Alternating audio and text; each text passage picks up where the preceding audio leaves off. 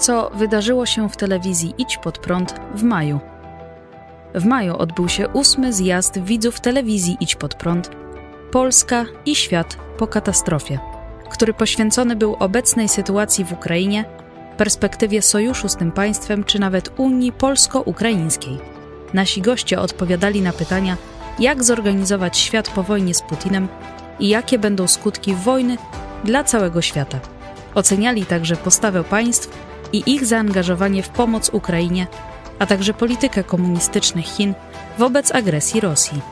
Prelegentami zjazdu byli generał Benjamin Hodges, były dowódca wojsk USA w Europie, Kira Rudik, przewodnicząca ukraińskiej partii Głos, Manian Ng, szef Epoch Times Europa, Satoru Nagao, ekspert Hudson Institute, Paweł Nowotny, czeski polityk oraz pastor Bob Kraft.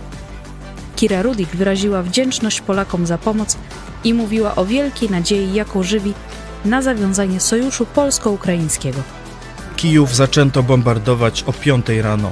O 6 rano Polska otworzyła granice dla obywateli Ukrainy, aby mogli być bezpieczni. O nic nie pytaliście.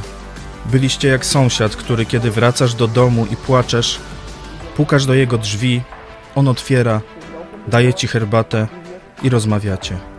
I nigdy, przenigdy tego nie zapomnimy. Dlatego w tym nowym systemie, który będziemy tworzyć po katastrofie, po kryzysie, po tym jak wygramy, wierzę, że geograficznie, mentalnie, fizycznie Ukraina, Polska, państwa bałtyckie będą musiały pozostać zjednoczone, będą musiały mieć bliższe relacje i będą musiały zbudować sojusz.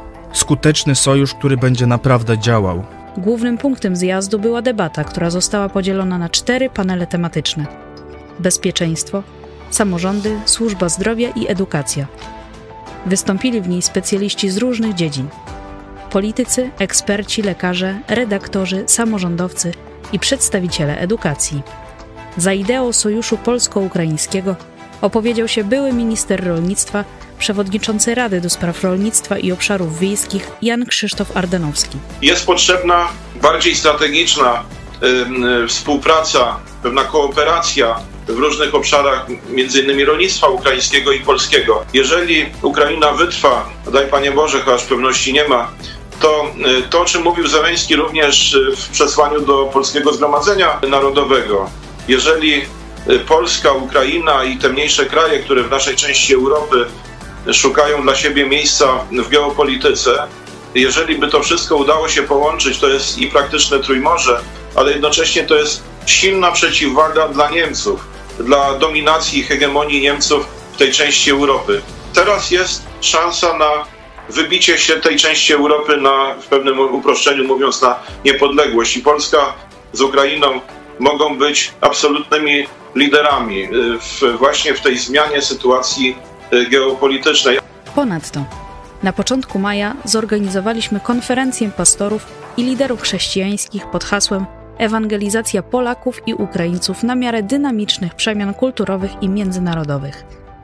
Rozmawialiśmy o tym, jaka ma być odpowiedź ewangelicznych środowisk chrześcijańskich na zachodzące zmiany, jak wykorzystać w ewangelizacji otwartość i poruszenie serc wynikające z wojny w Ukrainie.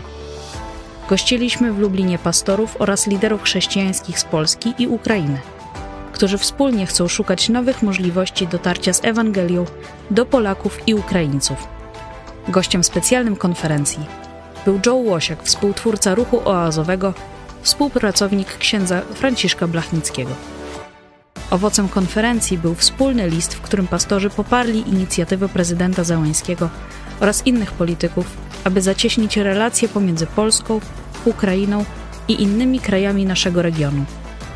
List podpisali pastorzy Paweł Chojecki, Radosław Kopeć, Paweł Machała i Michał Fałek z Kościoła Nowego Przymierza w Lublinie, pastor Henryk Skrzypkowski z Kościoła Chrześcijan Baptystów w Chełmie, pastor Ireneusz Dawidowicz ze zboru Droga Zbawienia Kościoła Chrześcijan Baptystów w RP, pastor Andrzej Chlopkow z Kościoła Bożego Łaska Chrystusa w Krakowie, pastor Oleksandr Moros z Ukraińskiego Kościoła Baptystów w Warszawie oraz Joe Łosiak.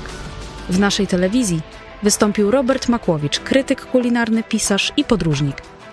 Zapytaliśmy go, czy wierzy w możliwość sojuszu Polski i Ukrainy oraz całego Trójmorza.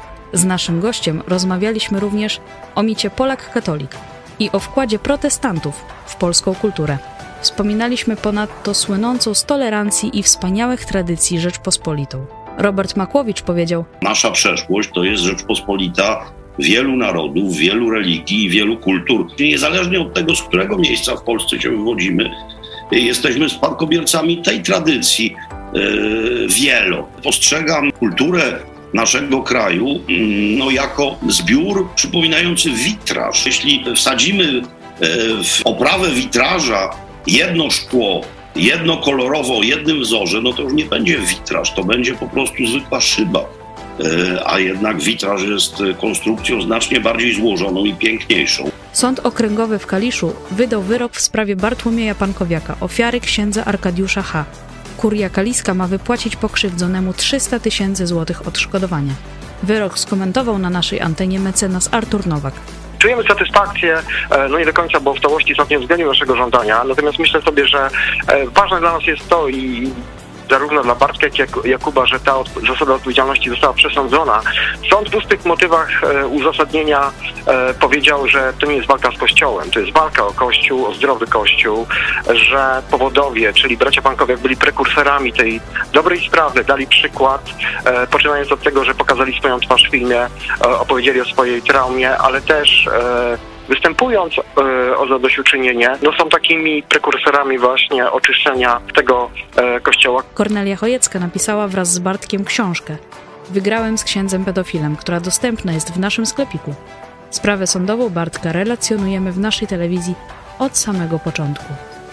11 maja został aresztowany przez chińskie władze kardynał Joseph Zen.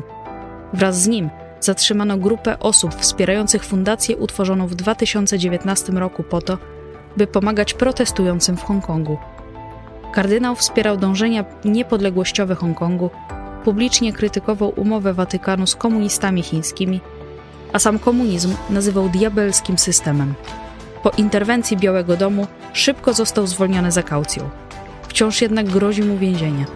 Brak zdecydowanej reakcji papieża Franciszka na aresztowanie przez chińskich komunistów kardynała Zena, emerytowanego biskupa Hongkongu, to wstyd i hańba oceniła korespondentka telewizji Idź Pod Prąd na Tajwanie, redaktor Hanna Shen. W tym miesiącu odbył się zjazd chrześcijan, którego specjalnymi gośćmi byli Joe i Anna Łosiakowie, misjonarze z USA. W programie zjazdu było m.in. spotkanie z młodzieżą, koncert Joe Łosiaka, a także seria wykładów i pytań do Joe i Anny. Z naszymi gośćmi realizowaliśmy także program o tym, czy rewolucja Jezusa w Polsce jest możliwa. Z Anną Łosiak rozmawialiśmy również o blaskach i cieniach edukacji domowej. Joe Łosiak przeprowadził także nauczanie pod tytułem Co zamiast mszy. Co nowego w telewizji Idź pod prąd. Przygotowaliśmy nową ulotkę ewangelizacyjną Papież Putina. Rozpoczęliśmy nowy projekt studiowanie pierwszego listu do Koryntian, które prowadzi pastor Paweł Chojecki. Powstała nowa animacja, a więc wojna, która odpowiada na pytanie, dlaczego na świecie trwają wojny, ludzie krzywdzą siebie nawzajem i otacza nas tyle zła. Animacja z rysunkami Andrzeja Patalona została stworzona na podstawie ulotki, a więc wojna.